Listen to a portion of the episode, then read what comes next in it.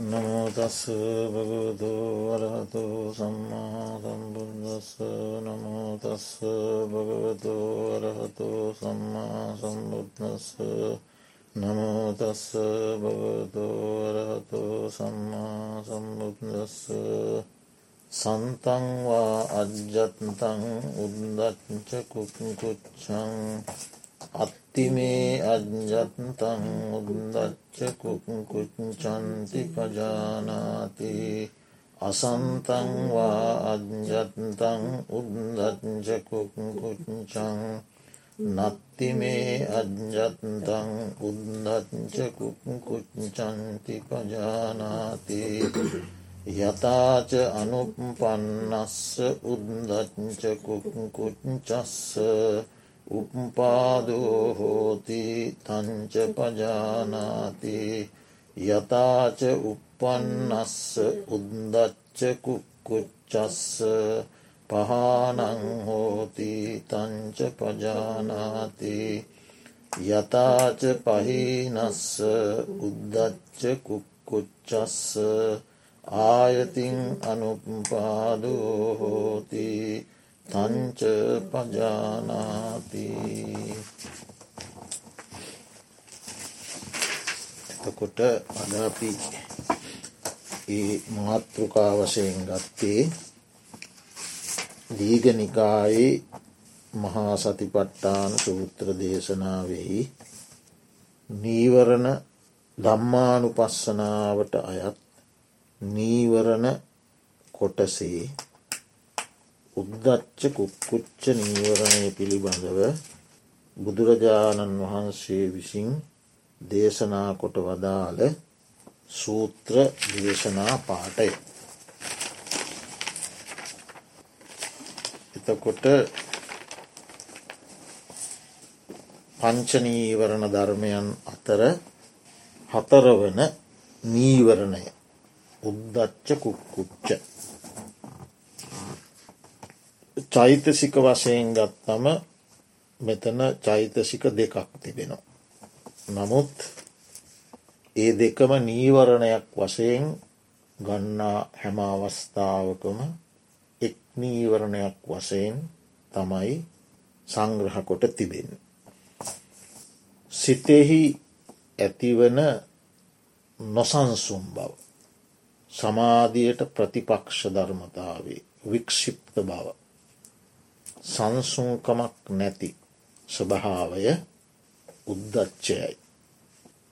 තමන්ට කළ නොහැකි වූ කුසල් පිළිබඳවත් කළ අකුසල් පිළිබඳවත් ඇතිවන පසුතැවීම පසුතැවෙන ස්වභාවය කුක්කුච්ච නමිනුත් හැඳින් වෙනවා.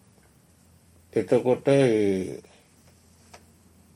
කළ අකුසල් පිළිබඳවත් නොකළ කුසල් පිළිබඳවත්. ඇතිවෙන පසුතැවිල්ල සිත නොසන්සුන්වීමටත් හේතුවක් නිසා. ඒ නිසා හිත නොසන්සුන් වෙනවා. එසේ වන නිසා ඒ දෙකම එකක් ලෙස ගන්නේ. උද්දච්චය යනු නොසන්සුන්කමයි අර පසුවකී පසුතැවිල්ලත් නොසන්සුන්කමට හේතුවක් වෙනවා. කලා කුසල් පිළිබඳවත් නොකළ කුසල් පිළිබඳවත් පසුතැවීම නොසන්සුන්කමට හේතුවක් වෙන. ඒ නිසා දෙකම එකක් ලෙස සලකාගෙන මෙම ධර්මය සංග්‍රහ කොට තිබෙන.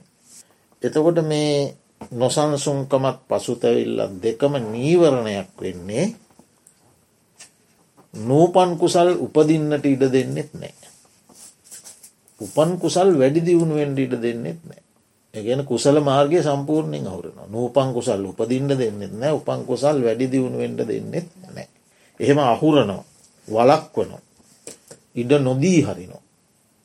එක හරිනේ හිත නොසන්සූ නොසන්සුන් වූ ගමන් නූපන් කුසල් උපදින්නෙත්. උපන් කුසලේ වැඩෙන්න්නෙත් නෑ ඒ දෙකම හවුල්ලාදාන. ඒ නිසා මේක නීවරණය. එතකොට මේකට හේතුව මොකක්ද මේ නොසන්සුම් භාවය පසුතැවීම වැඩෙන්න වර්ධනය වන්න හේතුවෙන්නේ හිතෙහි ඇතිවෙන ඒ සැලෙන ස්වභාවය නොසන්සුන් ස්වභාවය විසිරුණු ස්වභාවය වික්ෂිප්ත ස්වභාවය තුළ අයෝනිසෝ මනසිකාරයේදී. නුවනින් සිහියෙන් නෙවෙයි දකින්නේ. සිහිනුවනින් තොරව දකින. නොසන්සුන්කමක් ඇති වුණාම යෝනිසෝ මනසිකාරයේ දුනුත් ඒක දුරු කරගන්න පුළුව. යෝනිසෝ මනසිකාරයෙන් තොරව බලන්න බලන්න එක මොකද වෙන්නේ. වැඩෙන වර්ධනය වෙනවා දියුණු වෙමින් යන.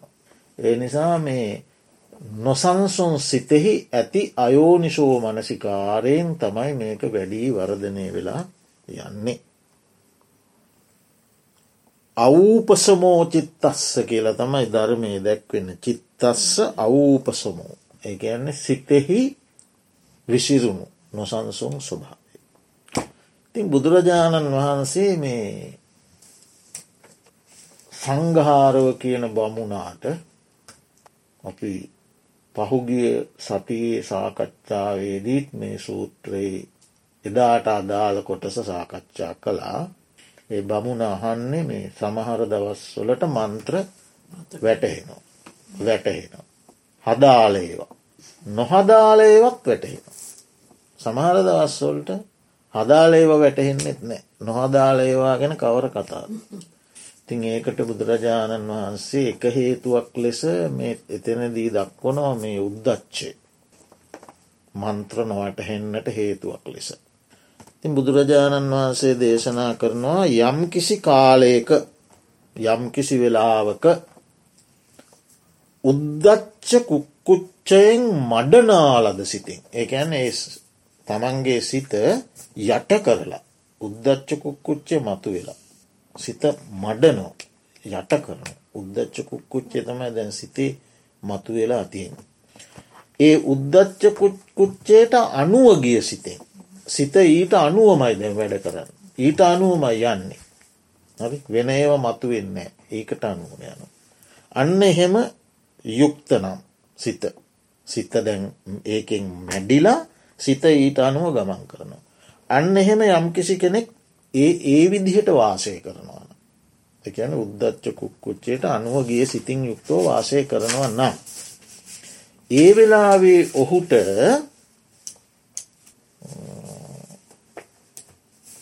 උද්දච්ච කුක්කුච්චයාගේ ස්වභාවේ දන්න ඇහු. ඔහුට ඒකේ ස්වභාවය වැටහෙන්නෙත් නෑ ඒකේ නික්මයාමක් ඒකෙන් මිදීමක් ඒකෙන් නිදහස්වීමක් පිළිබඳ ඔහුට වැටහෙන්නෙත් නෑ ඇයි ඒකට යට වෙලාන?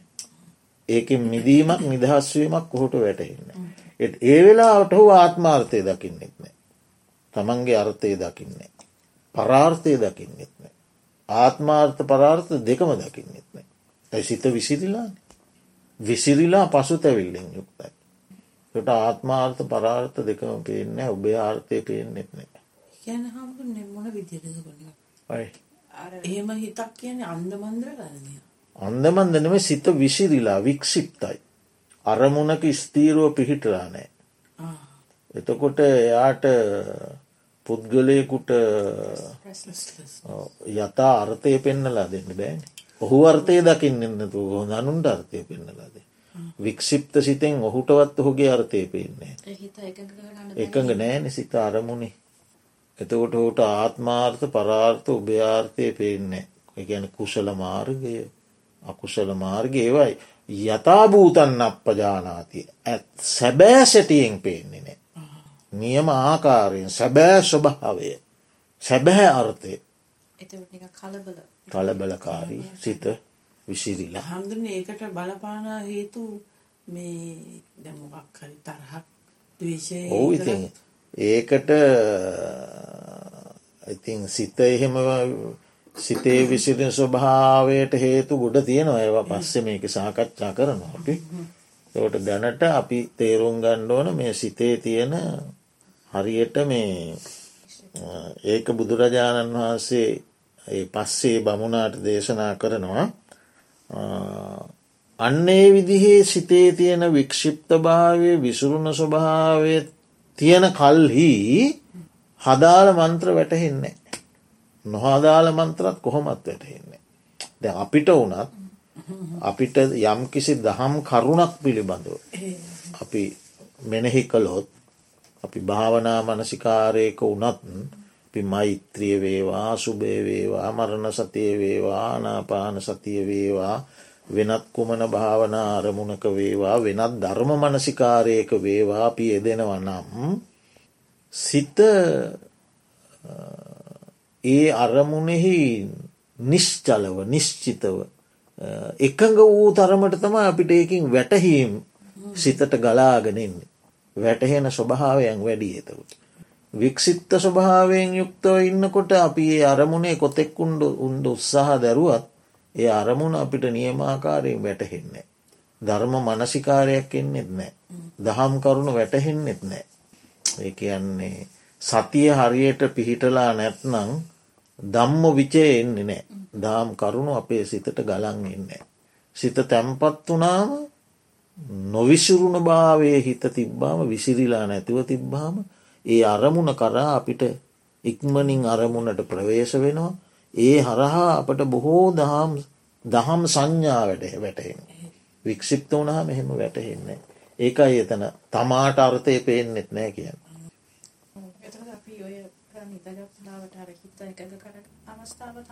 ඔවු එකඟ නෑ විසිරිලා. එක බුදුරජාණන් වහන්සේ දේශනා කරනවා මේ අර සංගාරෝ බමුණට මුවනිමිත්ත බලන්න පුළුවන් පිරිසිදු දිය බඳුනක් තියෙනවා. නොසෙල්ලුන චලනය නොවන කම්පිත නොවන ප්‍රසන්න දිය බඳුනක් තියෙන මූුණ බලන්න පුළුවන්. ඒ දිය බඳුන සුළගෙන් කම්පිත වෙනවා සැලෙනවා. සුළගේ හරි? එතවට මොකද පේන්නේ. පේෙන් ඇත්තේ මක් නිසාද දිය බඳුන සුළගෙන් කම්පිත වූ නිසා. සැලුන නිසා. රල හටගත්ත නිසා. දියවිලෙහි රල හටගෙන. එතවට පේන්නේ. ඒ වගේ තමයි සිත වික්ෂිප්තයි සැලෙනවා කියල කියන රල හට ගැනීම. සිත සැලීම. සිත බ්‍රාන්තවීම. සිත බ්‍රහමණයවීම. සිතේ චලනය. හරි එතවට පේන්නේ. ආත්මාර්ථ පරාර්ථ පේන්නේ. ඒ නිසා මේ උද්දච්චය කුක්කුච්චය දෙක දෙකම එකක් ලෙස අරන්තියනවා නමුත් චෛතසික දෙකක්. පසු තැවිල්ල සහ චලනය. ඒ දෙක ආවරණයක්. නීවරණයක්. චේතසෝ අජ්ජාරුහ. එකන සිත මැඩලීම. පඤ්ඥාය දුබ්බලී කරන ප්‍රඥාව දුබල කර දෙමීම. ප්‍රඥාව මතු වෙන්න ඒක දුරුවල කරන චේතසෝ උපක්කිලේසෝ සිතෙහි හටගත්තා වූ කෙලෙසීම හිත කෙලෙසාදාන. සමාධිස්ස පරිපන්තු සමාධියට වුවදුරක් වුවදුරු කියල කියන්න උපද්‍රව කරදර බාධක සමාධියට බාධකයක් වුවදුර කරදරයක්. එතකොට බුදුරජාණන් වහන්සේ සාමං්්‍ය පල සූත්‍රයේදී දේශනා කරනවා දාසයක්කින්න. තමා අයත් පැවතුම් නැති. එයට තමාට වුවමනාව දිට වැඩ කරන්න බෑන දාශයකුට ඒ දාශය ස්වාමයාට බැඳිලයින්න. ස්වාමයාගෙන් අහන්නඇතුව මොකුත් කරන්න බෑ. තමාට කැමති දිහා කියන්න බෑ. කැමති වැඩක් කරන්න බෑ. තමා අයිති පැවතුම් නෑ. ඔක්කොම අනුන්ට අයිති. එතකොට අන්නේ දාශයා පසු කලක. ඒ දාශභාවයෙන් මිදෙනවා. මිදුනම දැන් එයාට කැමති තැනක යන්නපු. හරි එයාට කැමති ආකාරය පැවතුම් කරන්න පුළුව. තමන්ට අවශ්‍ය පැවතුම්බල යට දෙන්න පුළ ඉස්සර බෑ. ඉස්සර ස්වාමයගෙන් අහන්ඩුවන්. බැඳිලා ඉන්නේ. දැන් එයාට රිසිසේ ඇවතුම් පැවතුම් කරමින් කැමති තැනක යන්න පුළුව. පසුකාලකයේ දාසයා දාසභාවයෙන් නිදහස් වෙලා ඒක මෙනෙහි කරනවා. මං ඉස්සර දාසයෙක් වසයෙන් හිටිය. මං ඉස්සර ස්වාමයාට බැඳිලා හිටිය. මට ඉස්සර කැමති තැනක යන්ඩ නිදහසක් තිබුන්නේ. කැමති ඇවතුම් පැවතුමක්ව යෙදෙන්ට නිදහසක් තිබුන්නේ. අහෝ දැන් මම බෝම නිදහස්. ස්වෛරී පුද්ගලේ. මට දැන් කැමති දෙයක් කරන්න පුළුවන්. කැමති තැනක යන්න පුළුවන් කියලා ඔහු ඒක ප්‍රත්තිවෙක්ෂා කරනවා. තමන්ම දකිනෝ. දැ කවුද දකින්නේ ඒ දාසයාම දකිනෝ දැන් තමන්ගේ නිදහස. තමන් එය බුක්තිවිදිනවන දැන්ගේ නිදහස්. එයාම දකිනෝ. උද්දච්ච කුක්කුච්චා දාස භාවයක් වගේ කියන. තකොට උද්දච්ච කුක්කුච්චයෙන් යම් කෙනෙක් නිදහස් වුනාම් එයා දාශභාවයෙන් නිදහස් වුනා වගේ. එයාට දැන් රිසිසේ හිත පවත්වන්න පුළුව. කැමති කැමතිසේ සිත පවත්වන්න පුළුව. එයාට පුළුවන් දැම් මට දැන් සතිය මදි සතිය වැඩි කරන්නවා. දැම්මගේ සමාධිය මදි සමාධිය වැඩි කරන්නවා. දැම්මගේ ඔන්න වීරිය මදි වීරිය වැඩි කරන්නවා. දැම්මගේ වීරිය වැඩි වීරිය සමාධය සම කරන්නවා. දැම්මගේ ප්‍රඥාව ටික අඩුයි වගේ ප්‍රඥාව සද්ධාව සමානෝගේෙන්ටුවන්. එයාට රිසිසේ කැමතිසේ හිත පවත්වන්න පුළුව. දාසත්වයෙන් දුනම් දැම් පුළුවන් දාසත්වයෙන් ඉන්නකොට ඇන්න උද්දච්චයෙන් ඉන්නකොට කැමති කැමති විදියට හිත පවත්වන්න බෑ හිතට යටයි අපි හිතට යටයි ඒ නිසා දාසත්වයෙන් මිදීමක් වගේ කියනවා මේ උද්දච්ච කුක්කුච්චෙන් මිදීම. අන්න ඒ දාසයා ඒ තුළින් මොකක්ද ලබන්නේ. සතුටක් සොම්නසක් ලබන. සතුට සොම්නස ලැබෙන. අන්න ඒ වගේ කියන එයින් මිදීම. දැන් ඒ ඒ ඒ ටික ගැන මොනවද තියෙන්නේ දැනගන්න. ආවරණා නීවරණා චේතසෝ අජ්ජාරුහා ප්ඥාය දුබ්බලී කරනා සමාධිස්ස පරිපන්තෝ වුදුරක්. ඊළඟට මේක දාශභාවයක් වගේ. ඔවු නාම ධර්මයක්. සිතේ ඇතිවෙන චෛතසික. නාම ධර්ම. චෛතසිකන සිතේ ඇතිවෙන ගති ලක්ෂණ. සිතේ ගති. එතකොට ඒහිත අසමාහිතයි. උද්දච්චයෙන් සැලෙනවන සමාහිත නෑ. අසමාහිත සිතක්. එතෙන්දී එතකොට ඒ උද්දච්චය කියන එකේ ස්වභාවේ තමයි යථභූතන් අපපජානාදී හරි තත්ත්වය ඇත්ත ඇති සැටිය. ආත්මාර්ථය පරාර්ථය උභ්‍යාර්ථය සැබෑ ස්වභාවෙන් එයාට පේන්නේ නෑ. ඒ තමයි උද්දච්චේ ස්වභාවය කුක්කුච්ච. එතකොට දැන් බුදුරජාණන් වහන්සේ මේ නීවරණ පබ්බේදී දේශනා කරන්නේ මෙන්න මේ කියන ලද උද්දච්ච ස්වභාවය ඒ නීවරණ ධර්මය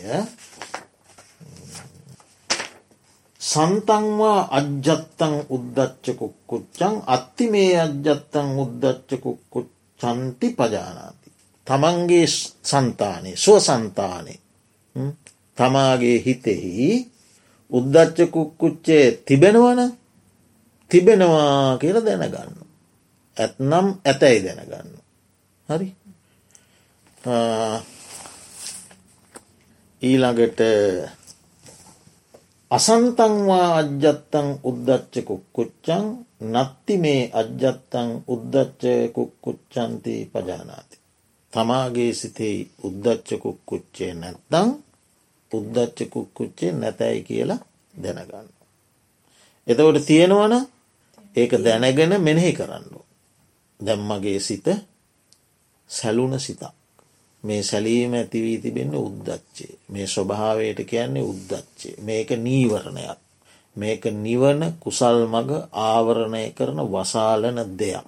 කියල තම දැනගණ්ඩුවන්. දැනගෙන සැලුන සිත මෙනෙහි කරලා ඒ සිත මෙනෙහි කිරීමෙන් ඉවත් කරන්න ඕන. ඒ අනිත්‍යහාදී වශයෙන් බලන්ඩත් පුළුව. මේ උද්දච්චයත් කුක්කුච්චයක් දෙකම චෛතසිකයි මේවා අනිත්‍යයයි මේ චෛතසිකයන් හා එක්ව යෙදුණු සෙසු චෛතසිකයෝද මේ චෛතසිකයන් හටගන්නා චිත්තයද මේ චිත්ත චෛතසිකයන් හට ගැනීමට උපකාරවන්නා වූ පටවියාපෝ තේජෝවායෝ සතරමාධාතුවන් සහිත මේ රූප සමූහයද?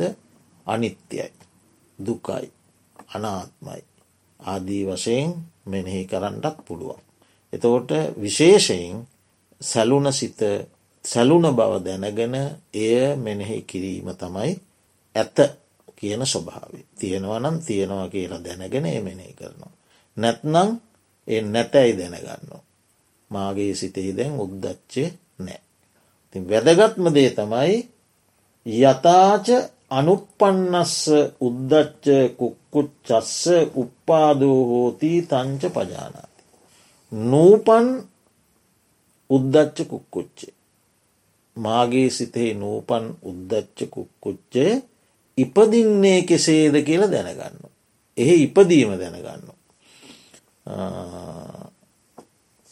සිතෙහි යම් සන්තාපයක් සිතෙහි යම් දැවීමක් තැවීමක් අසහනයක් නොසන්සුම් බවක් වේනම්. එහි අයෝනිසෝ මනසිකාරය නිසා තමයි මේ උපදින්නේ කියන එක දැනගන්න. අයෝනිසෝ මනසිකාර. යම් උද්දච්ච කුක්කුච්චයක් මාගේ සිතේ උපදිනවානං ඒ උපදින්නේම නොසන්සුම් බව තුළ ඇතිවෙන අයෝනිසෝ මනසිකාරය නිසා. එයත් දැනගන්න. යතාච උපන්නස්ස උද්දච්ච කුක්කුච්චස්ස පහනං හෝති තංච පජානාති. උපන්නා උද්දච්ච කුක්කුච්චයාගේ ප්‍රහාණයක් වේ නම් මේ දැනගන්න. ප්‍රහාණයවීම. ඒක මේ මගේ උද්දච්චය ප්‍රහාණය වේවාකිවට ප්‍රහාණය වෙන්න. ඒ උද්දච්ච කුක්කුච්චය කියන්නේ මහා බලවත් නිවන් මග අහුරන බලවත් සාධකයක් නීවරණ කියන්න සම්පූර්ණ නීවරණ කියන අකුසල්මයි. අකුසල රැස මානනය අකුසල රැස කියල යමක් කියන්නේ දේ නීවරණයි. අකුසල් රැසක්. තොට උද්දච්චත් ඒ අකුසල රැසට අයිති. කුක්කුච්චත් අයිති.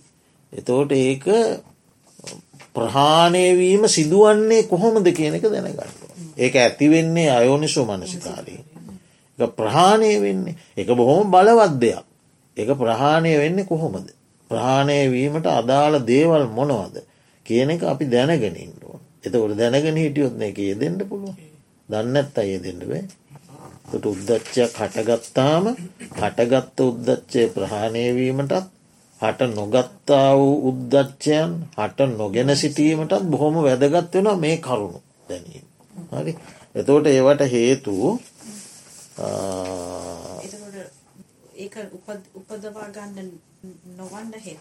ඕනෑ නෑ උපන්නා වූ එක ප්‍රහාණය වෙන්න. හරිද උපන්නා වූ උද්දච්චකුක්කුච්ච ප්‍රහාණයවීමට. ප්‍රහාණය වන්නේ කෙසේද.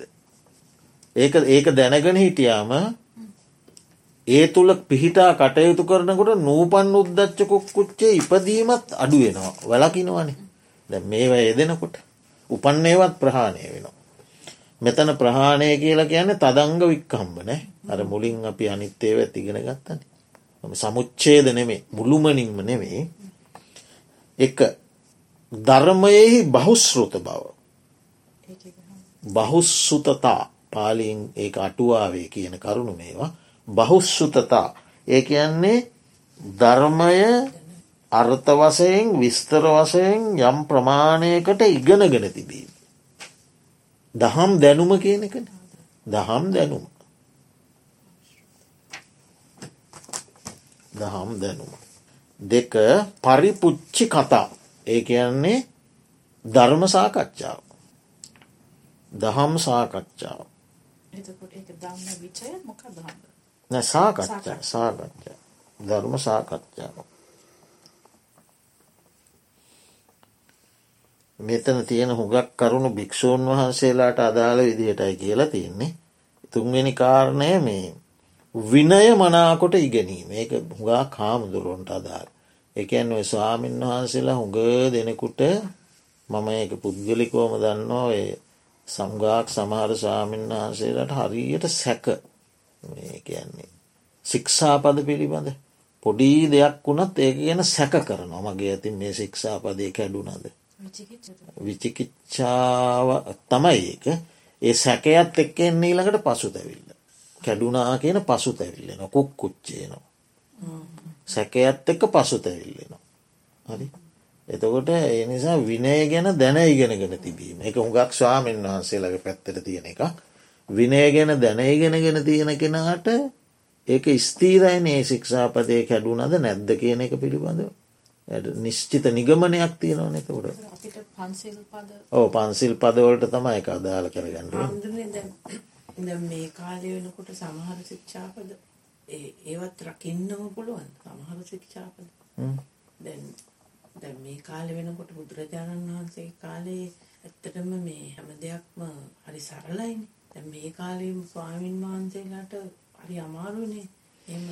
බව- රකින්ඩ පුළුවන් ඒවා තියෙනවා අපහසු ඒවා තියෙනවා සමහර සමහර කාලගුණික දේශගුණික තත්ත්වයන් මත වෙනස් විය යුතු දේවල් තියෙනවා. ආර්ථික පසුබිමත් හාමුදුරන ඒකත් එක්කමත් මේ ඒකත් වෙනස් වීමක් තියෙනවානේ. ඒ කියන්නේ. ඒ කියන්නේ හාමුදුරනේ දැන් හාමුදුරුවෝ භික්ෂුන් වහන්සේ කෙනෙකුට ඉස්සර තිබුණේ හරිම සරලයි. කියන්නේ පින්න පාතේ වගේ එච්චර මේ දැන් මේ කාලේ හාමුදුරුවෝ දැන් මුදල් පරිහරණය කරන්න ඒක අපි ඒක අපි පස්සේ සාකච්ඡා කරමු. මේ එතකොට මේ මොකක්ද මේ? එතකොට ඒ විනය පිළිබඳව තියෙන දැනුම තිබ්බහම මේ එයාට පුළුවන් ඒක සැකය හරහා එන පසුතැවිල්ල කියන එකින් ඒක එයාට නිදහස් එතකොට එයාට ස්තීර නිගමනයකට එන්න පුළුවන් ඒ නිසා ඒ විනය පිළිබඳ දැනුම ඊළඟ කාරණය ධර්ම විනය දැන ඉගෙනගත්ත බහුශ්ෘත කල්්‍යයාන මිත්‍රයන් ආශ්‍රය කිරීම. ධර්ම විනය දැන උගත් කල්්‍යයාන මිත්‍රයන් ඇස්- ආ- ඇසුරු කිරීම.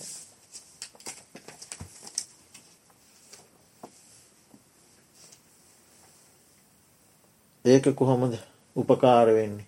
දැන් තමන්ට යම් කිසි තමන්ගේ දහම් මාර්ගය පිළිබඳ තමන්ගෙන් සිදුවන අඩුපාඩුවක් දුරුවලකමක් වරදක් ශික්ෂාපද උල්ලංඝනය වීමක් ආදිය පිළිබඳ සැවන්ට සැකයක් ආවකීම.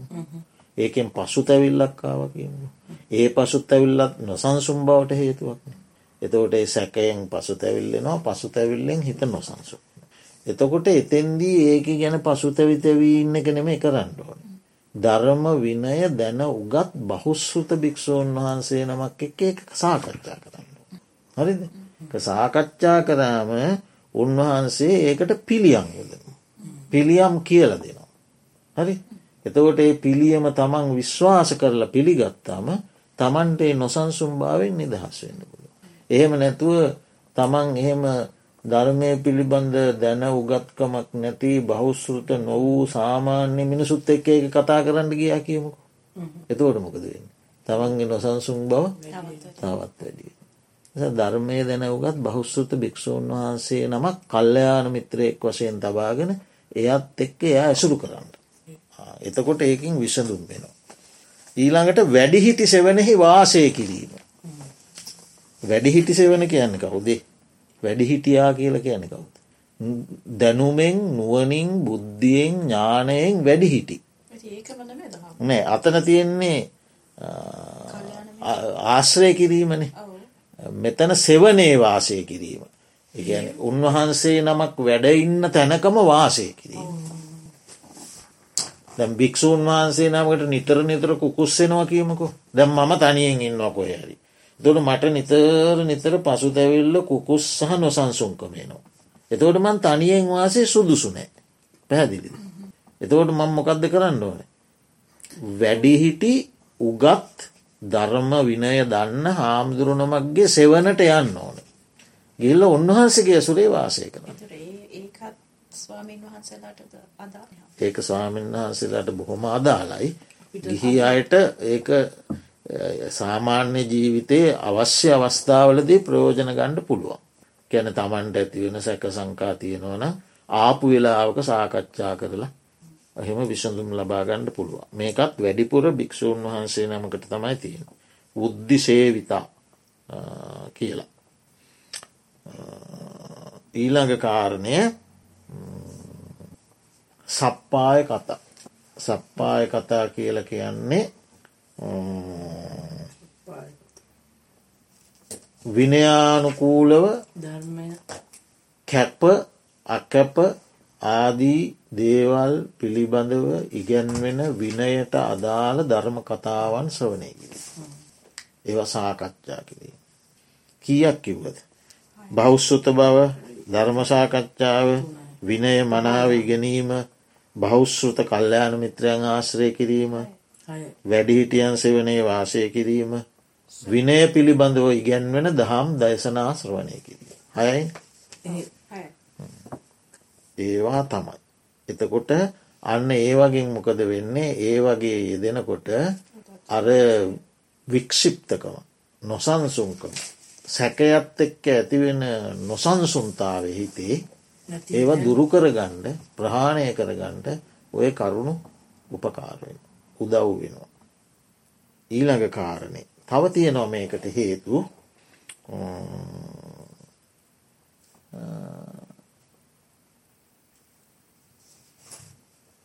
අපි කියමු දැන් චරිත කතා. දැ අටුවාව දක්වලා නෑ නමුත් මට අදහසක් තියෙනවා. චරිත කතා. අංගුලි මාල් මහරහතන් වහන්ස. ඒ චරිත කතාව පිළිබඳව අපි සිතල බැලුව. ගොඩාක් ජීවිතයේ පසුගාමීව හිටපු කෙනෙක්නේ. එකන්නේ මිනිස්සු මරලා ගිහි ජීවිතයේ ගොඩාක් වරදට පෙළඹූ චරිතයක්නේ. එතවට නමුත් උන්වහන්සේට පුළුවන් වුණා බුදුරජාණන් වහන්සේ නම් වූ කල්ලයාන මිත්‍ර සෙවනේ රහතන් වහන්සේ නම බවට පත්වෙන්ට. එතකොට තව ඒ වගේ බොහෝ චරිත සමහර හොර කණ්ඩායම් පිටිං ඇවිල්ල මහනෝන කතා වස්තු තියෙනවා. තට ඒගොල්ලො එක කාලයක මංකොල්ල කාරයෝ මං පහරන්න සුරුම් වසයෙන් ඉදලා පසු කාලේ සියල් අත්තරලදාල්. ඊළඟට සත්ව ගාතකයෝ එම ඇවිල්ල ඒ ඔක්කෝම අතහැරල ඇවිල්ල පැවිදි වෙලා වැදි ජීවිත ගත කරපුය ඇවිල්ල පැවිදි වෙලා අර පැරණි ජීවිත තත්ත්වයන්ගෙන් මිදිලා ඒ සියල්ලම මැඩලලා ඒවා යට කරලා ඒවෑන් එන පසුතැවීම ඔක්කොම ඉවතදා එගොල්ලොන්ට පුළුවන්නේ අරිහත්වය සාක්ෂාත් කරගන්න පුළුවන් වුණා. අන්න ඒ වගේ චරිත කතා. මෙනෙහි කරලා තමන්ගේ අතීත ජීවිතය පිළිබඳයම් පසු තැවිලියෙන වන ඒවා මැඩගණ්ඩ පුළුවන් අර චරිත කතාවන් අධ්‍යයනය කරලා ඒව මෙනෙහි කරලා ඒ අයට පුළුවන් වුණාන මටත් පුළුවන්ගේම බුදුරජාණන් වහන්සේගේ ශාසනය කාරුණික ශාසනයක් අකාරුණික නෑ කියල ඒ විදිහට හිතල එහෙම පුළුවන් ඔව් ඒ විදිහට පුළුවන් එතෝට තව අපිට තෙන්දිත් වැදගත්වෙන සූත්‍ර දේශනාවත් තියෙන සංක දම සූත්‍රය. සංක දම. ඒ කියන්නේ එක එයාගේ නම ඇවිල්ලා අසිබන්ධක පුත්ත ගාමනි අසිබන්ධක පුත්ත ගාමනි එයා ඇවිල්ල බුදුරජාණන් වහන්සේ හම්බුනාම බුදුරජාණන් වහන්සේ හනවා ඔබගේ ශාස්තෘූවරයා ශ්‍රාවකයන්ට ධර්මය දේශනා කරන්න කොහොමද. ශාස්තෘූවරය නිගණ්ටනාතකුත්. කොහොමද දේශනා කරන්න කොහොමද ශ්‍රාවකයෝ හික්මුවන්. ඉතිං එයා කියනවා අපේ ශාස්තෘූවරයා ප්‍රාවකයෝ හික්මුවන්න මෙහෙමයි. පරපණ නසන්නෝ නිරේට යන්න ඕය. සොරකම් කරන්නෝ නිරේට යන්න ඕය. කාමේ වරදවා හැසිරෙන්නෝ නිරේට යන්නේ. බොරු කියන්නෝ නිරේට යන්න ඕය. යමක් බහුල බහුල වසයෙන් කරන්නේද ඔහු ඒ තුළින් නිරේට යන්නෝයි. බුදුරජාණන් වහන්සේ කියන එහෙමනම් කවුරුත් නිරේට යන්න විදින්නේ. ඒ මොකද. කාලයට සාපේක්ෂෝ බැලුවොත් යම් කිසි මනුස්සයෙක් පරපණ නසනවකීමකු. ඔහු වැඩිපුර කරන්නේ පරපණ නසන එකද නොනසන එකද. කාලය නොනසන එකද. ඔහු වැඩිපුර කරන්නේ හොරකං කරන එකද නොකරන එකද? දවස අපි උදාහරණයක් වසම පැවිසි හතරයින දවසට. පැවිසි හතරෙන් හෝ වැඩිපුර කියන්න කරන්න සතුන් මරණ එකද නොමරන්න එක වැඩිපුර කරන්නේ නොමරඉන්න එක හොරකං කරන මිනිියෙක් පැවිසි හතරෙන් වැඩියෙන් ඉන්න හොරකන් නොකරන එක. හොරකං කරන්න ටික වෙලාව. ඒ විදිහට එහෙමනම් ඔහු බහුල වසයෙන් කරන්නේ පරපණ නසන එක නෙවෙයි නොනසන එක හොරකං කරන එක නෙවෙයි නොකරන එක කාමය වරදව හැසිරෙන එක නෙමෙයි නොකරන එක. බොරු කියන එක නෙමේ බොරු නොකියයින්නේ. තොට බහුල වසයෙන් බහුල වසයෙන් කරන්න ඕ නිරේට යනවනම් ඔහු වැඩිපුර කරන්නේ නොකරන එක නම් ඔවුන් නිරේටයන්ට හේතුවන්නේ. කියල බුදුහාදුර එක තරකානකූලෝ කණ්ඩනය කරන. ඒක වැරදි. ඒ ප්‍රතික්ෂේප කරන. කරලා බුදුරජාණන් වහන්සේ දේශනා කරන ගාමිනී එහෙම නෙවෙයි. යම් කිසි කෙනෙක් මේ තතාගතයන් වහන්සේගේ ධර්මය ආයිළඟට බුදුරජාණන් වහන්සේ දේශනා කරන හැබැයි යම්කිසි ශ්‍රාවකයෙක් ඔය ඔබගේ ශාස්තෘුවරයාගේ දහම අහනෝ. අහල දෘෂ්ටියකට එනවා මොකක්ද දෘෂ්ටිය පරපණ නසන්නෝ නිරයට යන්නෝය. සොරකම් කරන්නෝ නිරයට යන්නෝය. කාමේ වරදවා හැසිරෙන්නෝ නිරයට යන්නෝය. බොරු කියන්නෝ නිරයට යන්නෝය. කියලා හෝ දෘෂ්ටිගත වෙන. එතකොට ඒ දෘෂ්ටිය විසින් ඔහු නිරේට රයන්න පුළුවන්. ඇයි දෘෂ්ටිං කියන්නේ ඔහු එහෙම හිතෙන් ඒ ධර්මයට හිතෙන් බැඳිලයින්න දෘෂ්ටි අල්ලගනේ ධර්මය. එතකොට දැන් ඔහුට මරණාසන්නේ දිය කියනවා. ආන්න අම්මගේ ශාස්තෘවරය කියල තියෙනවා පරපණ නසන්නෝ නිරේට යන්න ඔය කියල මං පරපණ නසපු කෙනෙක් කියන දෘෂ්ටියනවා. ඔවු ඔහු දැන් ඒක දෘෂ් ඒකට බැඳිලනේ ඒ ධර්මයට ඒකට දෘෂ්ටි ගත වෙලාඉන්න. එතකොට ඒ ඒ දෘෂ්ටිගතික බව විසින් ඔහු නිරේටරයි යනවා. යන්න පුළුවන්. ඉතින් බුදුරජාණන් වහන්සේ දේශනා කරනවා එහෙම නෙමේ ගාමිණි. යම් කිසි කෙනෙක් තතාගතයන් වහන්සේගේ ධර්මය හනු. අහලා ඔහු ඒ ධර්මයට ප්‍රසාදය ඇති කරගන්න. එතකොට ඔහු කල්පනා කරනවා මෙහෙම. තතාගතයන් වහන්සේ ප්‍රාණඝාතය පිළිකුල් කරා. ප්‍රාණඝාතයට ගරිහා කළ. ප්‍රාණඝාතය විපාක සහිත දෙයක් ලෙස දේශනා කළ. ඉතින් මම පරපණ නසල තියෙන කෙනෙක්. මමත් පරපණ නසල තියෙනවා. හැබැයි මම ඒ පරපණ නැසීම ගැන විපිලෙසර බවක් නොසන්සුම් බවක් වික්ෂිප්ත බවක් ඇතිකර ගත්තාය කියලා ඒ පරපණ නැසීමේ ක්‍රියාව නොවී තියෙන්න දැක වෙලා ඉවරණ. මන්දැන් වික්ෂිප්ත වනා කියලා ඒගැන කනගාට වනා කියලා ඒගැන දුක්වුණා කියලා ඒගැන නොසන්සුන් වනාය කියලා ඒ සිද්ධිය වෙනස් කරන්න බෑදැන් ඒ සිද්ධිය මං පරපණ නසල තියෙනවා. එක දැන් වෙලා ඉවරයි. දැම් මම දුක්කුණා කියලා පලක් නෑ දැ. ඒ නිසා මම අද ඉඳල පරපන්න නසන්නේ නෑ. කියලා ඔහු දැන් මේ මොහොතේ වර්තමානය නිවැරදි කරගන්න. අතීතය හුට නිවැරදි කරන්න බෑ අතීතයේ පරපණ නැසිල ඉවරයි. කාටවත් පුළුවන් හෙම කරන්න. අතීතේ හොරකං කරපුවා නිවැරදි කරන්න. අර්තීතයේ පරපණ නසපුවා නිවැරදි කරන්න. අතීතය කරපු අකුසල් නිවැර ඒක බෑඒක වෙලා. ඒ ගැන පසුතැවුණාය කියලා එක නිවැරදි වෙන්න. හරි. ඒ නිසා ඔහු එනවා අධිෂ්ඨානයකට මොකක්ද තතාගතයන් වහන්සේ පරපණ නැසීම පිළිකුල් කරා. ගරිහා කළා. පරිභව කළා. අකුසලයක් කියල බැහැර කළා. මම ඒක කරලා තියෙනවා. මම අද ඉඳල ඒක කරන්නේ නෑ. හරි. තතාගතයන් වහන්සේ සොරකමට පරිභව කළා. මම සොරකම් කරලා තියෙනවා. මම පසුතැවිනාය කියලා ඒ කර්මය අකර්මයක් වෙන්න නෑ ඒක වෙලා ඉවරයි. මම අද ඉඳල හොරකම් කරන්නේ. හරි අද ඉඳල කාමේ වරදව හැසිරන්නේ. අද ඉඳල බොරු කියන්නේ. කියලා ඔහු දැන් මේ මොහොතේ අතීතය පස කලා අතීතයෙන් පාඩම් මිගෙනගෙන මේ මොහොතේ නිවැරදි වෙන. හරි මේ මොහොතේ නිවැරදි වෙලා ඔහු මෛත්‍රය වඩනවා. හරි ඒම නැත්තම් කරුණාව වඩන. ඒම නැත්තම් මුදිතාව වඩනවා. ඒම නැත්තම් උපේක්ෂාව වඩනවා. සිව් බඹ විහරණයන් දෙනවා ඔහු. ඔහු එතවට නිවැරදි වෙන්නේ අතීතය නෙමේ දැන් මෙතන. ඊට පස්සේ ඒ සිව්බඹ විහරණයන් වඩලා මෙත්තා සහගතයන චේතසා ඒකන්දිසං පරිත්වා විහරාමි. මෛත්‍රී සහගත සිතින් එක් දිසක් පතුරුව එක් දිසාවක් පතුරුව වාසය කරන. තතා දුතිය දිසා දෙක. තතා තතියන් දිසා තුනම්. තතා චතුත්තින් දිසා හතර. ඉති උද්ද මදෝ තිරියන් උඩ දිසාව යට දිසාව සහ අතුරු දිසා වලට මෛත්‍රිය පතුරුවන. සබ්බන්ත සබ්බත්තතාය සබ්භාවන්තන් ලෝකන් සබ්බදී සැම තැන්හි තමන්ගේ ආත්මය සමාන කොටගෙන. මම මගේ ජීවිතයට ප්‍රිය කරන්නේ යම්සේද අනිකාද අනිකාගේ ජීවිතයට ප්‍රිය කරන්නේ. මම මගේ සැපතට කැමැති යම්සේද අනිකාද අනිකාගේ සැපතට කැමැත්තුවය. කියලා තමාගේ ආත්මය සමකොටගෙන මුළු මහත් ලෝක ධාතුවට මොහු මෛත්‍රී පතුරුවන. ප්‍රමාණයක් කරන්නෑ සත්වයන්ගේ. ජාති කුල මල ආගම් මාදී ප්‍රමාණ නොකොට මෙත් පතුරුවනු. කවුද කලින් පරපන්නසපු මිනිහෙක් මේ කරන්න දැ.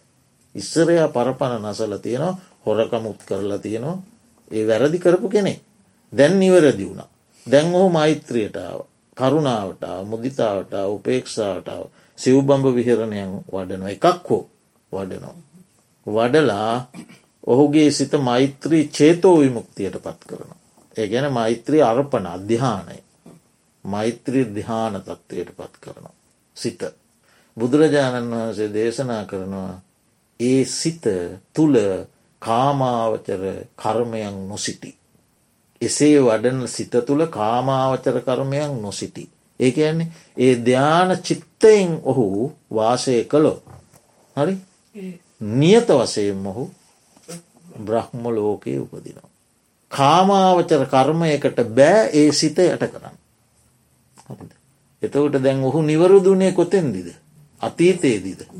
අනාගතයේදීද වර්තමානය. අන්න ඒවා ඒ සූත්‍ර දේශනා මේ පසු තැවිල්ල කියනව මඟ හැරෝගන්න ගැන් මිනිස්සෙකුට නොසන්සුම් බව සහ පසු තැවිල්ලෙන්ට පුළුවන් අතීතය නිසා. අතීතය කළ වැරදි. අකුසල්. හරි ඒවා හබාගෙන ඇවිල්ලා ඒවෑන් සිත නොසන්සුම් කරන්න පුළුව. ඒ නොසන්සුම් කරනකොට බහුස්ෘත භාවය තියෙන්ටෝන ගැන මෙන්න මේකට තමයි. එතවට මේ වගේ සූත්‍ර දේශනා ඉගෙනගෙන තියෙන කෙනෙකුට පුළුවන් ඒකත් එක්ක මේක අදාළ කරගෙන මේක සමනය කරන්න. තොට බෞස්සතය ආශ්‍රය කරන්න කියන්නෙත් ඒකට. බෞස්සුත්‍ර නොවූ කෙනෙක් ආශ්‍රය කරොත් එයා කියන්නේ උඹ කොරපු අයිතින් බම දැන් විදපං අපිට කොරන්න දෙයන්න. බෞස්සත නොවූ කෙනා එහෙම කියනවා. බෞස්සත බෞස්සුත වූ කෙනා මේ විදිහ දේශන අරගෙන එයාගේ හිත හදනවා. මේ මයි මේ තිස්ස මහාරාමය හිටියා මේ තිරිසං අප්‍රමාණ සත්තු ඝාතනය කරපු මස්වැද්දෙක් ඒ මස්වැද්දා මහා පිපාසයෙන් පිළිලා තිස්සමාරාමය ආරන්නයට ගිහිල්ලා වතුර බිව්ව බිව්ව බිව්ව බිව්වයාගේ පිපාසි සංසිදුන්නේ. ඉට පස්සේ ආරන්නේ ලොකු හාමුදුරුව යායට බොහෝම දයාවෙන් අනුකම්පාවෙන් අවවාද කළා. ඊට පස්සෙයා ගෙදර ගිහිල්ලා මහා මස්වැද්දෙක් ගෙදර ගිල්ල ඇවිල්ල ලොකු හාමුදුරුවන්ට කිව්ව ස්වාමීනී ඔබවහන්සේ මට මෙලොවින් පිහිට වුණා. මට පරලෝයින් පිහිටුවෙන්ට මාව මහන කරගන්න. ටපස උන්වහන්සේ බොහොම කරුණාවෙන් ඒ මස්වද්ද මහන කළා. මහා සත්වඝාතකි. ඉතිං ඔහු ඒ පැවිදි ජීවිතය තුළ පිහිටා යටිපතුල්වලට පිදුරු බිසි තෙමල තියාගෙන හිසමුදුනේ තෙත්කරපු වස්ත්‍රතියාගෙන නින්ද යනවට බවුන් වඩල අනාගාමි වුණා කියලෝ අටුවාවලති හරිද අර සියලු අකොසල බලවේගයන් යට කළ අනාගාමි වුණා කිය. එතකොට ආන්න ඒ වගේ කතාවස්තු සහ ඒ වගේ සූත්‍ර දේශනා අරගෙන ඒ අයට පැහැදිලි කරලා දෙනවා. ඒක නිසා තම මේ අටුවාව කියන්නේ මේ නොසන්සුම් බව පසුතැවිල්ල එනකොට බහුස්ෘත ධර්මදරව ආශ්‍රය කරන්න. එතකොට ඒ බහුස්ෘතයෝ එයාට ඒ අවශ්‍ය අදාළ උපදේශ දීලා එයාට ආය වැටෙන්ඩ නොදී එයා නැගී සිටුවනෝ. බෞස්තුත නොවූ කෙනා ඒ වැටුණ කෙන තවවට්ටන එකන කරන්න. හරි. ආන්න ඒක. ඉතින් ඒ වගේ දේශනා ඒ වගේ දැනුම බොහොම උපකාර වෙනවා. ඊළඟට අවසාන කාරණය මොකක්ද යතාච පහීනස්ස උද්දච්ච කුක්කුච්චස්ස ආයතින් අනුපාදෝ හෝති තංච පජානාත. තදංග වික්කම්බන වසයෙන් ප්‍රහාණය වුණ උද්දච්ච කුක්කුච්චය නැවත නූපදිනාකාරයට පත්වන්නේ කොහොමද කියන එකත් දැනගන්න. ඒ කොහොමද. උද්දච්චය කියන එක නැවත නූපදින තත්ත්වයට පත්වන්නේ අරිහත්මාර්ගඥානය. අරිහත්වයෙන් තමයි. රූපරාග අරූපරාග මාන උද්දච්ච අවිද්‍යා කියන සංයෝජන පහම නැතිවෙන්නේ අරිහත්වයෙන් එතකොට එතන උද්දච්චේ තියෙනවා. උද්දච්චේ නැතිවෙන්නේ රහත් වෙනකොට එතෙක් තියෙනවා. එතෙක්කේ නොසන්සුම් බව මේ අපිට තරන්නෑ නමුත් ඒ ඒ දක්වාම තියෙන දෙයක් උද්දච්චය. කුක්කුච්චය එකත් වෙන එකම වනාට චෛතසික දෙකක්නේ කොක්කුච්ච නීවරණය කියන එක ප්‍රහාණය වෙන්න අනාගාමි මාර්ග. අනාගාමී වෙන තෙක්ම ඒ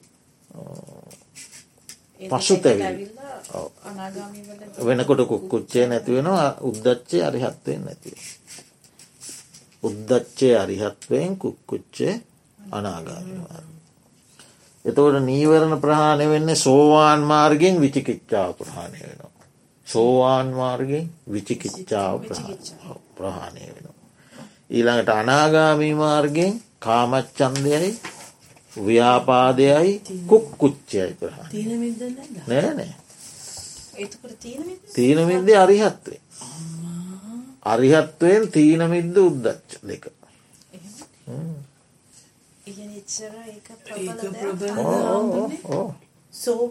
සෝවාන් වෙනකොට විචිකිච්චා සක්කා ඇදිත්ත නීවරණයක් නෙවෙයිනේ. නීවරණ ගැනම කියන්නේ.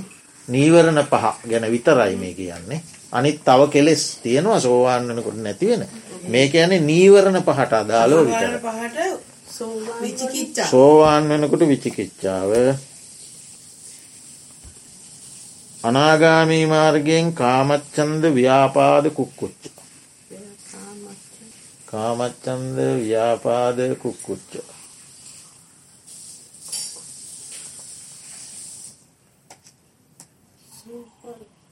අරිහත්වයෙන් තීන මිද්ද උද්දච්ච. සකදාගාමි මාර්ගෙන් කෙලෙස් ප්‍රහාණය වෙන්න නීවරණ ප්‍රහාණයන්න කාමච්චන්දේ තැවීමක් නෙවෙන්න. කාමරාගේ තැවෙනවා. තැවෙනවා ඇයිමන් කියල දුන්න? කෙසෙල් ගහ කර අත්ත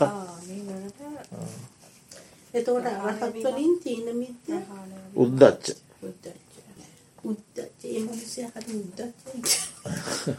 හාමුදුරනේ නීවරණවල තියෙන ප්‍රබලතාවෙනේ. ඈ? දැන් ඔය දැන් ඔය කුක්කුච්ච එනවලු වෙනත් වේශාරගෙන වෙනත් ස්වරූපෝලින් ස්වරූපයෙන් එනවා වෙනත් ස්වරූපෝලින් ඒව ලස්සන් විස්තර කරනවා අපේ රේරුකාණනායක හාමුදුරු. ඒ වේශවලින් එනවා කියන්න දැන් ඔන්න අම්මතාත්තට සලකණ්ඩ බැරි උන දරුවෙක්කින්න. හැකියාව තියද්‍ය අම්මතාත්තට සැලකුවන.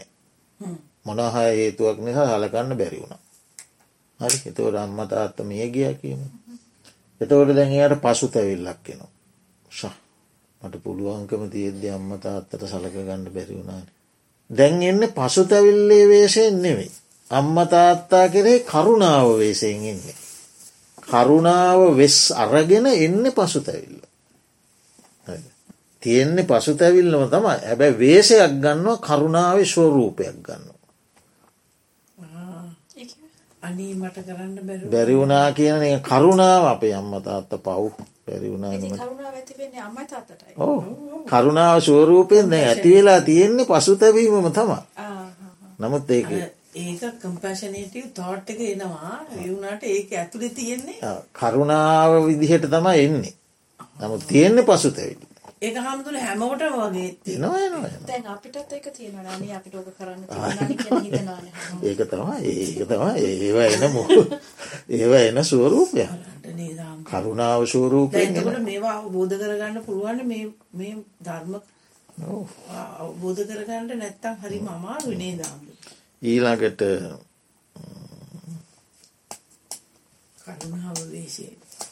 කරුණාවේශයෙන් එන ඊළඟට පින්කම් කරන්න බැරි වුණායට පින්කම් කරන්න බැරි වුණා පුළුවන් කාලේ පින්කමක් කරගත්තෙ නෑ කරගණ්ඩ බැරි වුණා කෙලෙස් නිසා හෝ වෙනත් හේතුවන් නිසා හෝ කරගණ්ඩ බැරි වුණාම පස්සේනවා පුුණ්‍ය කාමතා වේසයෙන් වංචකෝ පසුතැවිල්. අනේ මට පිනක් කරගන්න බැරුණාන. දැ ඒ පසුතැවිල්ලා එන්න පිනවේශයෙන්. ස්වරූපය පිනනෙ. පිනක් කරගන්න බැරිවුණානමට අපරාධයක්. තියෙන්නේ පසුතැවිල්ල තමයි. නවත් මුහුණුවර ගත්තේ පින. පින පින මුහුණුවරගෙන අතන ගත්තා කරුණාව මුහුණුවර ගත්තා. මෙතන පින මුහුණුවර ගත්තා. එතකොට තව කෙනෙකුට එනවා ශික්ෂාකාමතාවේශෙන් සිකපත කැඩු නම් තමන්ගේ ශික්ෂාපද කැඩෙනවා. ශික්ෂාපද උල්හංගනය වෙනවා. ශික්ෂාපදය බිඳිනවා. දැන දැන හෝ බිඳිනෝ එම නැත්තැන් කෙලෙස්වොල්ට වසඟවීම නිසාහෝ ශික්ෂාපද බිඳිනෝ. ඊට පස්සේ ඉතින් ඒක ඒ වේශයෙන් අරගෙන එන්න පසු තැවිල්ල.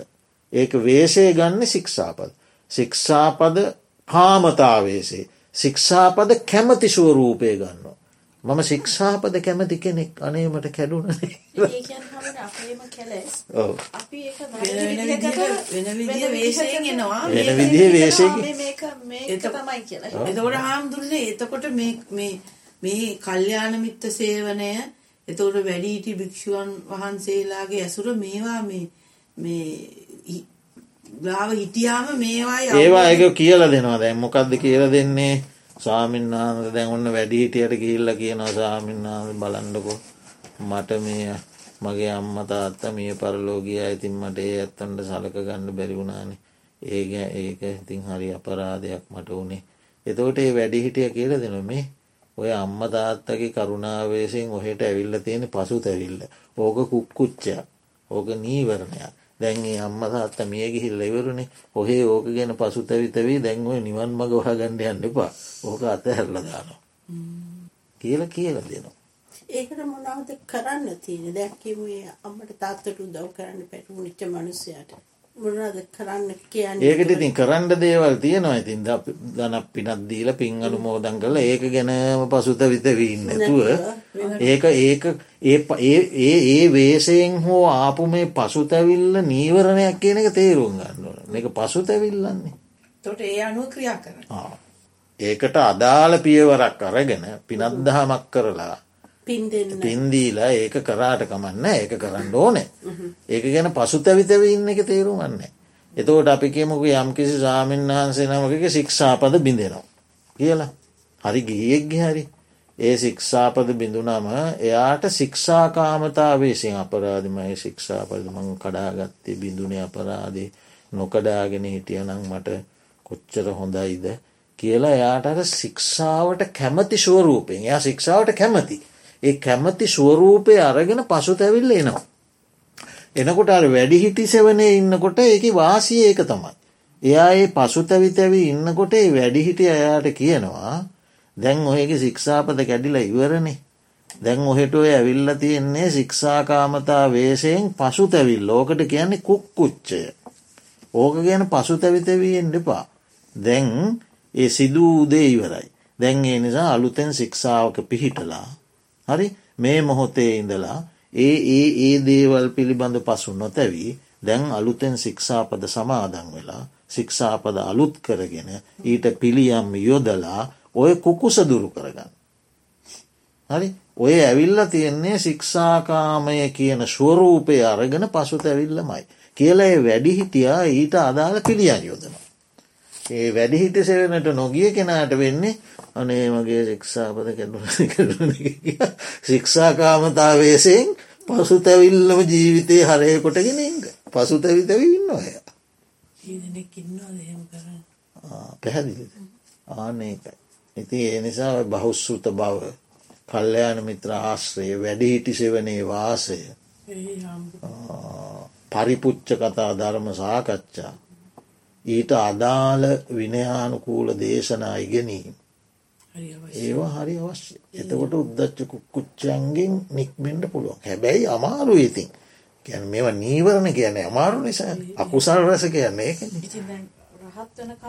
තියෙනවා කිය එම තුනී කර කර තුනී කර කර ගිහිල්ල තදංග වික්කම්බන වසයෙන් ප්‍රහාණය කර කර ගිහිල්ල අරිහත්වයෙන් තමයි උද්දච්චේ සංචේද වගේ යන්නේ අරිහත් අරිහත්වයෙන් උද්දච්චේ සමුච්චේද ප්‍රහාණය වෙන කුක්කුච්චේ අනාගාමී වලින් සමුච්චේද ප්‍රාණය වෙන.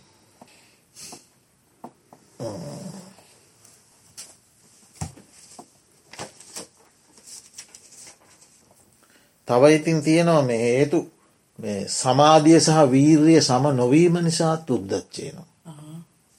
වීර්ය වැඩි සමා සමාධිය ඒ ස්වභාවයට ඇවිල්ලනෑ. වීරය අධිකයි. ඒ හරි? දැන් සද්දා විරිය සති සමාධි ප්‍රඥා කියලා තියෙනවනි ධර්ම පහක්. මොනවද කියන්න බලන්න? සද්දා විරිය සති සමාධී ප්‍රඥා. පංච බලද. පංච බල පංච ඉන්ද්‍රිය එතෝට එතනදී සතිය හැම කල්ලි තියෙන ඕන. සද්ධාවයි ප්‍රඥාවයි සමවයන්ඩුවන සද්ධහා පඥ්ඥා වීරිය සමාධි දෙකත් සමවයන්ඩුවන වීරිය වැඩිවීමෙන් උද්දච්චයට හැරෙන අධික වීරිය. සිත උද්දච්චයට යන නොසන්සුන්කමට යන සමාධිය වැඩිවීමෙන් සිත උදාසීන වෙන වීරිය සමාව ඇවිල්ල නෑ ඒ දෙක සමගණ්ඩෝන එතවට ඔන්න උද්දච්චයට තව හේතුවක්කේ වීරිය සමාධයක දෙක සමව නොපැවැතිීම වීරිය වැඩි වෙනවා. ඇතකට උද්දච්චයට යන එතවට මොකක්ද කරන්න ඕන? සමානවටට ගණ්ඩෝන ඒත් උද්දච්චය ඇතිවීමේ හේතුව. හරිද? ඊළඟට සීලය ගැන පමණ ඉක්මවා සිතීම සීල විශුද්ධිය ගැන ප්‍රමාණයට ඉක්මවා සිත එතවට නිතරම කුකුස්. අනේ මගේ සික්ෂාපද කැඩුන අනේ කැඩුනත් අනේ කැඩුනද පමණ ඉක්මවා සිතීම සීල විශුද්ධිය පිළිබඳ පමණ ඉක්මවා සිත සී තමන්ගේ සීලය ගැනනේ හම්දන එතවට ශ්‍රද්ධාවයි ප්‍රඥාවයි එකට තියෙන්න සද්ධා පඥ්ඥා දෙක සමවෙන්න ඕන විරිය සමාධි සමවෙන්න ඕන. ෂටි නිතර නිරන්තර අර දැන්- ඔවු ඒ ඒක තමයි ඒ කියන්න. ඇයි දැන් මේ සෝන මහරහතන් වහන්සේගේ වීර්ය අධික හින්ද නිවන් අවබෝධ කරන්න බැරි වුණ ඒ අධික ලෙස වීරය වැඩුවන. අර කකුල් පැලුණ කකුල් පැරිලා සක්මම්මල්ුවේ ලේ ගැලුවන ස බුදුරජාණන් වහන්සේ වැඩියන කාගෙද මේ ලේ කියලා දැනගෙන හනුව ඉතින් බුදුරජාණන් වහන්සේ. කාගෙද මාන්‍ය මේ ලේ කියල? සෝන හාමුදුරන්ගේ. කෝලි විස සෝන. එතවට හන්ත අර කලින් කිව පංච පලයි බොජංගයි දෙකම එකයිද? අරක පහයි මේක හතයිනේ. ඔව එකන එකනෙම එක ධර්ම තමයි ඒවා යෙදෙන අවස්ථා. බල ධර්ම කියල කියන්නේ කම්පාන වෙන කියන එක අකම්පියට්ටයන බලන් කියන්නේ ප්‍රතිපක්ෂ ධර්මවලින් කම්පා කරන්න බෑ. ඒ තරමට දියුණු කරලා. එතකොට සෝන මහරහතන් වහන්සේට එතෙන්දින බුදුරජාණන් වහන්සේ වීනා උපමාව දේශනා කර වීනාවේ තත් හදට තියෙනකොට සහ බුරුල්ලට තියෙනකොට. ඒක. අහනව ටසේ සමව තිබ්බමන වීනාවේ නියම හඩයෙන් සම කරන්න කියනවා නේද? ඒ සෝනය ඉන්ද්‍රිය සමතාවය පුහුණු කරව කියන. ඉන්ද්‍රිය සමතාව ඉන්ද්‍රිය පංච ඉන්ද්‍රී සද්ධා විරී සති සමාධි පන්න. සමතාවය පුහුණු කරන්න කියන. එතවට අන්න එක වීර්ය අධික වුණාම එනවා උද්දච්චු. එත නින්දට බාධායනවා ඇතට පස් අද්දිය නැතිවේ නවා. පස්සද්ධිය නෑ මෙහෙම වීරී අධිකයි සමාධි පස්සද්ධි දෙකම නෑ ඒවා බාල වෙලා. ඇති ඒවා තමයි තිය එතවට ඔව ආපසෙක් විරුද්ධක සමාධි. සමාධි පරිපන්තෝ සමාධියට ඕදුරක් උද්දච්ච. මොනවද වෙන අහන්ඩ තියෙන් ඒ ගැන. මේක හම්දුන්නේ භාවනා කරන මොහොත නෙවේ හැමම් විටමනේ විශේෂයෙන් භාවනාවේද. ඒ ඕනෑම දේකද ඉතින් සිත නොසන්සුන්වීම අපි කියම රියදුර ක්‍රියපාලනය කරන ක්‍රිය පදවනකොට සිත නොසන්සංගුණොත් ඒත් හොලනෑ භාවනාවේදී තමයි විශේෂී. භාවනාවේදී උද්දච්චය එනකොට ඒ උද්දච්චයට එන්ට හේතුවම සන්ඩුව. ඇයි මේ මේ තියෙන්නේ උද්දච්චයක්. ඇයි මේ. ඒකට යට නොවී ඒකට යෝනිසෝ මනසිකාරයෙන් හේතුව බලන්ට ඕන.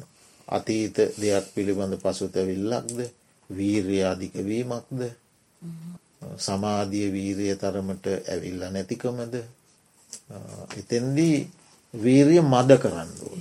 වීරිය වැඩිකමෙන්න්න වීරිය මද කරන්න ඕන. වීරයයි සමාධියයි එකට ශ්‍රද්ධාවයි පඥාවයි එකට තියෙනවා. එතකොට සතිය. සතිය නිතරම අර මේ රත්තරං උපමාවිදිත් බුදුරජාණන් වහන්සේ දේශනා කළ රත්තරන් දිහාම් බල බලා හිටියොත් ගින්දර දදාම හිටියොත් වතුර ඉහේහාම හිටියොත් හරියන්නේ සිත නිවිය යුතු අවස්ථාව නිවන්ඩෝන ඔසවා තැබිය යුතු අවස්සාාව ඔසවා තබන්ඩුව. සමාධිගත කළ යුතු අවස්සාාව සමාධිගත කරන්න. සමාධිය වැඩි වුණු සිද තිනමිත් ඒතකොට ඔ තීන මිද්දේ ගැන උදාසීන ස්වභාව.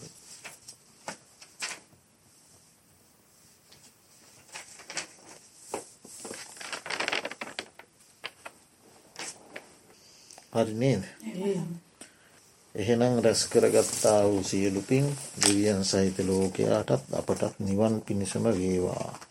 ආකා සට්ටාජපුම් මට්නා දේවානාගාම එද්දික පුුණ්ඥන්තන් අනමෝදිත්තව චිරන් රක්කන්තු ශාසනං චිරන් රක්කන්තු දේශනම් චිරං රක්කන්තු මම් පරන්තේ